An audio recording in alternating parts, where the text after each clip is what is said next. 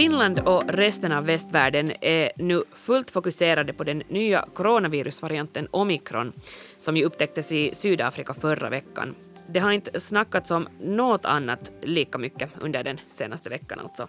Många länder har stoppat flygen till och från södra Afrika och beskyllande fingrar pekas mot landet som var först ute med information om den här nya mutationen. Liselott Lindström, hur låter diskussionerna där i Kenya, där du befinner dig? Jag måste säga att det har varit absurt att följa med diskussionen i Finland, för här har det inte väckt speciellt mycket diskussion överhuvudtaget, men till exempel uh, tar upp Kenias största dagstidning och, och kollar vad de har för nyheter. Här skulle inrikespolitik, um, något mord, Etiopien, äh, äh, uh, uh, uh, HIV. här!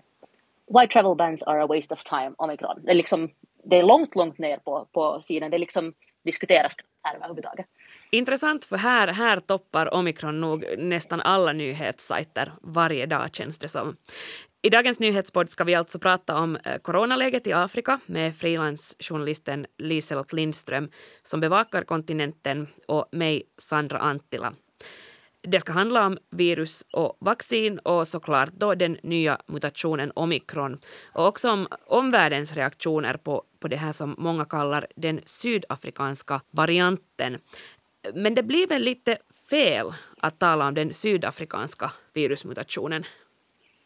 No, det tycker åtminstone Sydafrika som nu uppfattar att man straffar dem för att de var ute och larmade om den här första, första om den här alltså nya varianten och att det då direkt sattes en, en massa flygförbud på, på Sydafrika uppfattar ju landet som extremt orättvist för nu har ju varianten också upptäckts på olika håll i Europa och uh, Australien, Japan och så här och varför har det inte kommit något flygförbud till de ställena frågar man sig i Sydafrika. Och just det att man hittar den här varianten i Sydafrika betyder ju inte alls att det är därifrån den kommer utan bara att det var där som man hittade den. Och som bakgrund så, så säger just Sydafrika nu att de blir straffade för att de har så bra laboratorieteknik eh, eftersom man har mycket erfarenhet av att jobba med HIV som också är ett virus, med tuberkulos som också är ett virus, man har bra gensekvenseringsmetoder och det, orsaken att man hittade det här viruset var, eller den här varianten var att, att fallen började gå upp i Sydafrika så man liksom satte ut känslospröten och sen märkte man den här varianten. Men som sagt, Sydafrika upplever att det, det, är ett att det var ett straff mot dem nu att de att de märkte den. Mm. Du nämnde att, att Sydafrika har alltså ett sånt här väldigt högklassigt forskningscentrum för just uh, virus, virus och liknande. Och det här är inte heller då första gången som, som man där upptäcker ett, ett nytt coronavirus. Det var visst i, i fjol som man hittade den här betavarianten. Betavarianten upptäcktes då för ungefär ett år sedan i december i Sydafrika och då var det antagligen orsaken till deras andra allvarliga allvarliga våg. Nu är man då på väg in i en fjärde våg där i Sydafrika, troligen orsakad av omikron. Men um, den här betavarianten var väldigt annorlunda på det sättet att den verkar då orsaka uh, eller vara smittsammare uh, men, men också orsaka allvarlig sjukdom i unga människor som inte hade hade, så, hade några underliggande sjukdomar. Så på det sättet, med tanke på vad vi nu vet om omikron, så var ju, lät ju betavarianten betydligt farligare, även om den kanske, den blev ju inte sen så smittsam, den blev inte en dominant variant i hela världen, så som till exempel deltavarianten blev och som man nu befarar att, att omikronvarianten kan bli. Så många länder har ju nu alltså avbrutit flygtrafiken till och, och från eh, både Sydafrika och, och grannländer där. I Finland så rekommenderar THL också att man inte, inte reser till den regionen. Hur har det här påverkat södra Afrika? Det har ju påverkat enormt mycket och, och speciellt Sydafrika larmar ju för att det här kommer att få enorma socioekonomiska konsekvenser. För nu på södra halvklotet så är, det, är vi på väg in i högsommar. Eh, det här är precis början på Sydafrikas absolut viktigaste eh, turistsäsong. Uh, julen och nyår är, är, väldigt populära, speciellt Kapstaden så kommer det mycket folk för att njuta av stränderna och vingårdarna och, och turistsäsongen fortsätter långt in i februari. Nu har det kommit uh, tiotusentals turister som har, som har alltså avbokat sina resor. Och då om vi tänker på hur coronapandemin har drabbat Afrika överlag så visst viruset har varit ett problem men ett betydligt större problem har varit alla de följderna som olika lockdowns och olika, uh, olika sådana reserestriktioner har fört med sig. Just Sydafrika är det väldigt många människor som som får sitt jobb via turismsektorn, samma här i, här i Kenya. Uh, jättemånga människor lever dag, från dag till dag, liksom från hand till mun och, och då om man inte har möjlighet att göra sitt dagliga arbete betyder det att man inte äter någonting. Vi har sett följder, till exempel malaria, dödsfallen inom malaria har gått upp enormt för att, eh, för att människor inte har kunnat få, få sjukvård för malaria eller inte har kunnat resa till exempel om de behöver ta sig från, från ett ställe till ett annat och det har funnits reserestriktioner för att få sjukvård. Um, här i Kenya har, har könsstympningen av flickor gått upp, det är något som här är förbjudet i lag, men eftersom skolorna var stängda så, så har um, så har det här ökat eftersom det ofta är skolorna som larmar om könsstympning. Och vi sen har Uganda som har sett, här Kenyas grannland, som har haft skolorna stängda den längsta tiden tror jag i hela världen. Vad det innebär när barn inte kan gå i skola på nästan två år. Det, det har liksom så långtgående följder och konsekvenser som det här viruset och den här pandemin inte överhuvudtaget kan mäta sig med. Är, är omikron och de här reseförbuden nu då på något sätt sista spiken i kistan eller, eller vad liksom i vilket läge är vi nu? No, vi är i ett sånt läge skulle jag säga där liksom åtminstone här i Afrika så är viruset inte längre det största hotet och, och många har ju spekulerat eller också då i början av pandemin, det fanns ju en del spekulationer som visionerar att det kommer att ligga en massa döda människor på gatan, men samtidigt eftersom vi vet då att, att coronaviruset drabbar kanske speciellt äldre och sådana med, med underliggande sjukdomar så, så hade Afrika eh, sin demografiska struktur på sin sida, alltså största delen av människorna här är ju unga, det finns väldigt få människor som överhuvudtaget är över, över 80 år gamla. Um, så det har, det har säkert skyddat. Sen är det förstås för tidigt att säga exakt vilka faktorer som kanske gör att man har en mindre risk att, att smittas av, av corona, men, men en del eh, forskning som, som just har inletts tyder på att eventuellt om man har haft malaria, att man kanske har ett bättre motstånds, en bättre motståndskraft mot, mot corona och också överhuvudtaget att det finns många andra sjukdomar som cirkulerar här gör att folk har ett ganska bra eh, immunförsvar och bra motståndskraft, vilket också kan ha, kan ha påverkat. Um, jag pratade just i, i söndags med en kenyansk läkare som jobbar på största sjukhuset här i Nairobi och hon sa att de har inte en enda coronapatient just nu på det största sjukhuset i Nairobi. Och här i Kenya så har fallen gått ner, det har varit ganska lugnt, lugnt på sistone um, när det gäller corona och man lyfter på restriktionerna också, ett utegångsförbud som hade varit i kraft i ett och ett halvt år lyftes i oktober, eller togs bort så att nu får man röra sig ute också på nätterna. Och det var ju förstås en enorm lättnad för speciellt just restaurangbranschen och så här att man inte behöver stänga, stänga klockan åtta på kvällen eller sju på kvällen och så här. Men att, att på något sätt så känns det som att eh, åtminstone här i Afrika nu så är det så där att vi, vi måste få igång ekonomin, vi måste, människor måste kunna återgå till det normala, det är det viktigaste just nu att, att viruset är ett mindre hot. Mm. Här i Finland, jag vet inte om man kan säga tvärtom, men, men vi tampas just nu med att, att intensivvården är överbelastad och, och just eh, coronafallen blir, blir flera och allt fler också vårdas på sjukhus. Och, och det har ju delvis också lett till det att det känns som att det här coronaviruset är i, i centrum av precis allt i vår vardag och, och, så har det ju varit redan en tid. Eh, men hur är det då i Kenya och i, i södra Afrika? Dominerar pandemin vardagen på samma sätt som, som här? Du pratade till exempel om restriktionerna som, som inte är lika strikta som vi har här i Finland. Mm. Sen å andra sidan så har här ju nog alltså ända sedan pandemin börjar så man är till exempel här i Kenya om du bara går ut på gatan, går ut på promenad så måste du ha på dig mask. Och vart du än går till butiker eller, eller restauranger eller så, så, så måste du sanit eller liksom ta, ta sån här handdesinfektion eller tvätta händerna och så mäta de temperaturen. Att, att liksom sådana saker har hela tiden varit, varit framme här och, och, det fortsätter ju fortfarande. Och det är ju det som också nu till exempel Afrikas äh, det här um, CDC, vad heter det, Smith eh, Center for Diseases, förlåt nu kommer jag inte ihåg vad det heter på svenska, uh, men, men uh, chefen för det säger att det är liksom sådana såna metoder vi nu måste, måste satsa på, liksom håll avstånd, tvätta händerna, Uh, gå inte ut om du är sjuk och sånt här, att det är sånt vi borde ta i beaktande istället för sådana här, reseförbud.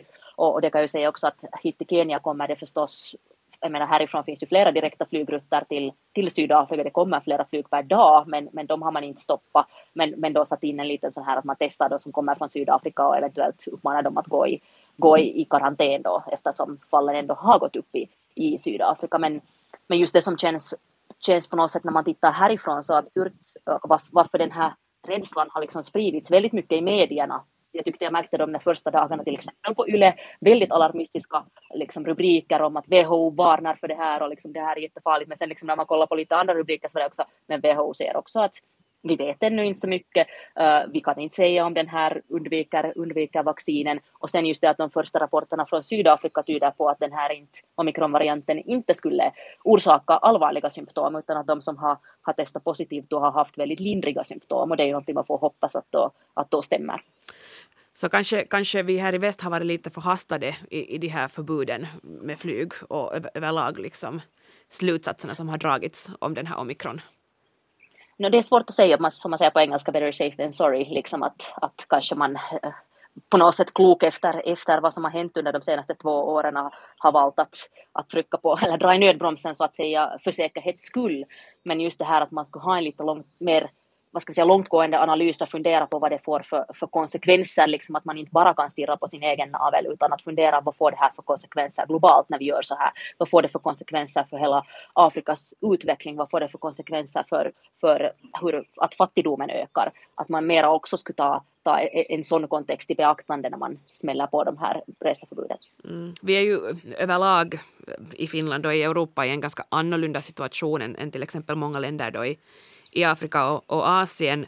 Eh, för, för det har ju nog varit ganska långt så att, att de fattigare länderna i världen har fått stå och vänta medan vi de här rikare vaccinerar oss. Och har jag förstått rätt att, att det i många länder på den afrikanska kontinenten inte ännu heller finns tillräckligt med vaccin för alla? Så är det absolut. Eh, om man tittar på hela Afrika så har ungefär 6 procent av befolkningen fått båda vaccinen.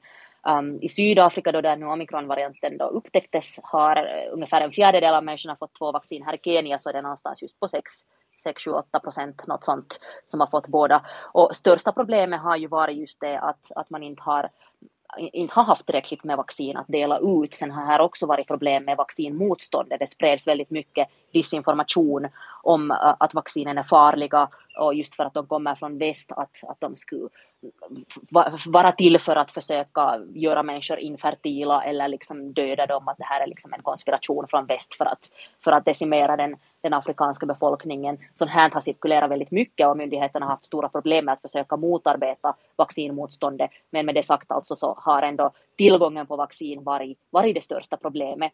Och många länder har ju, har ju lovat att de nu ska donera vaccin till Afrika eh, och förra veckan kom det kom det väl 100 miljoner vaccindoser som just delades ut till, till de fattigaste länderna, länderna här på kontinenten, men, men just att Kenya har också konstant haft brist på vaccin. Och en orsak är ju just att, att um, det här COVAX-programmet som då grundades i början av pandemin för att just se till att vi inte skulle råka i en sån här situation helt enkelt inte har fungerat. Och varför har det inte fungerat? Jo, därför att flera eh, rikare länder har, har köpt vaccin Eh, via bilaterala avtal och för att de här vaccintillverkarna vill ju då förstås få ett så bra pris som möjligt så det har varit mer lukrativt för dem att sälja med bilaterala avtal till, direkt till rika länder än att sälja då till, till Covax som då främst också har varit beroende av, av donationer från, från rika länder. Och när det gäller nu den här omikronvarianten, ifall den kommer från Sydafrika, ifall det är där den har uppstått, så är det lite så här, vad var det vi sa? Det har varnats hela tiden för att vaccinnationalismen leder till det att om viruset får spridas äh, mycket i Afrika, även om folk inte skulle bli väldigt allvarligt sjuka, så finns det alltid en risk att ju mer det sprids, desto mer mutationer uppstår, som i värsta fall både äh, undgår vaccinskyddet och är farliga. På något sätt, eh, de här globala ojämlikheterna har ju konkretiserats eh, på ett helt annat sätt då man kan egentligen helt konkret räkna i vaccindoser att, att vem, vem får vad. Och, och det har ju pratats nu jättemycket om, om till exempel just EUs ansvar i att, att skicka vaccin till Afrika. Men, men hur ser man där på då Europas och till exempel USAs ansvar i hela det här? No, väldigt mycket säger man just att, att, att det här vaccinnationalismen bara är liksom xenofobisk, är främling, främlingsfientlig och visar att man fortfarande tänker att, att, så att säga, svarta och bruna liv är mindre värda än, än vita. Och, och på något sätt så, jag tycker att hela, hela diskussionen är på något sätt så absurd. Nu är man i panik i Finland med hjälp ny omikronvariant. Samtidigt så har Finland ju inte heller varit, varit för att, att de här patenterna för vaccin ska hävas. Och, och, det är ju någonting som nu har aktualiserats igen, att om, om patenterna skulle hävas så skulle det vara lättare att, att tillverka vaccin till exempel här i, i Kenya. Kenya har planerat en egen vaccinfabrik men har än så länge inte hittat någon samarbetspartner. Och det här skulle också vara ett bra uh, bra liksom mot den här vaccinmotståndet för att folk skulle lita mer på sådana vaccin som är tillverkade i hemlandet än sådana som är, som är tillverkade i väst. Och, och problemet med just patenten och att det bara får, får tillverkas vaccin på vissa ställen så märkte vi ju också då med den här deltavarianten som troligen uppstod i Indien. Och COVAX-programmet var väldigt beroende av vaccin som tillverkades av Seruminstitutet i Indien. Men sen när Indien själv hade ett så prekärt coronaläge så slutade de exportera vaccin för att de behövde dem bättre själv så att säga. Så det här att, att diskussionen om, om patent är igen väldigt aktuell och det ska vara vara viktigt att man funderar på vilka är liksom fördelarna och vilka är nackdelarna med att häva de här patenterna. Vill vi fortsätta att leva på det här sättet att det kommer en ny variant och så blir det panik och så går vi i lockdown igen? Det är ju alltså då företag som äger, äger de här uh, patenterna, men, men vad kan eller, eller vad borde Finland och EU göra för att stödja Afrika i den här pandemin? No, just fundera på det att vara, liksom lite kanske fundera längre än den här panikreaktionen när det kommer en, kommer en ny variant. Fundera vad, vad, vad vet vi om det här? Vad har det för konsekvenser om vi stänger gränserna? Um, vad kan vi göra för att hindra att det här sker igen? Och det vi kan göra är väl att försöka få så mycket vaccin som möjligt. Få, få också de fattigare länderna i världen att få upp sin, sin vaccineringsgrad um, och hur man kan hjälpa med det, både, både kunskap, eventuellt liksom personal, men, men just främst det att man får vaccin hit till kontinenten. Tack Liselott Lindström för att du var med från Nairobi. Mitt namn är Sandra Antila och du har lyssnat på nyhetspodden från Svenska Yle. Vi hörs snart igen.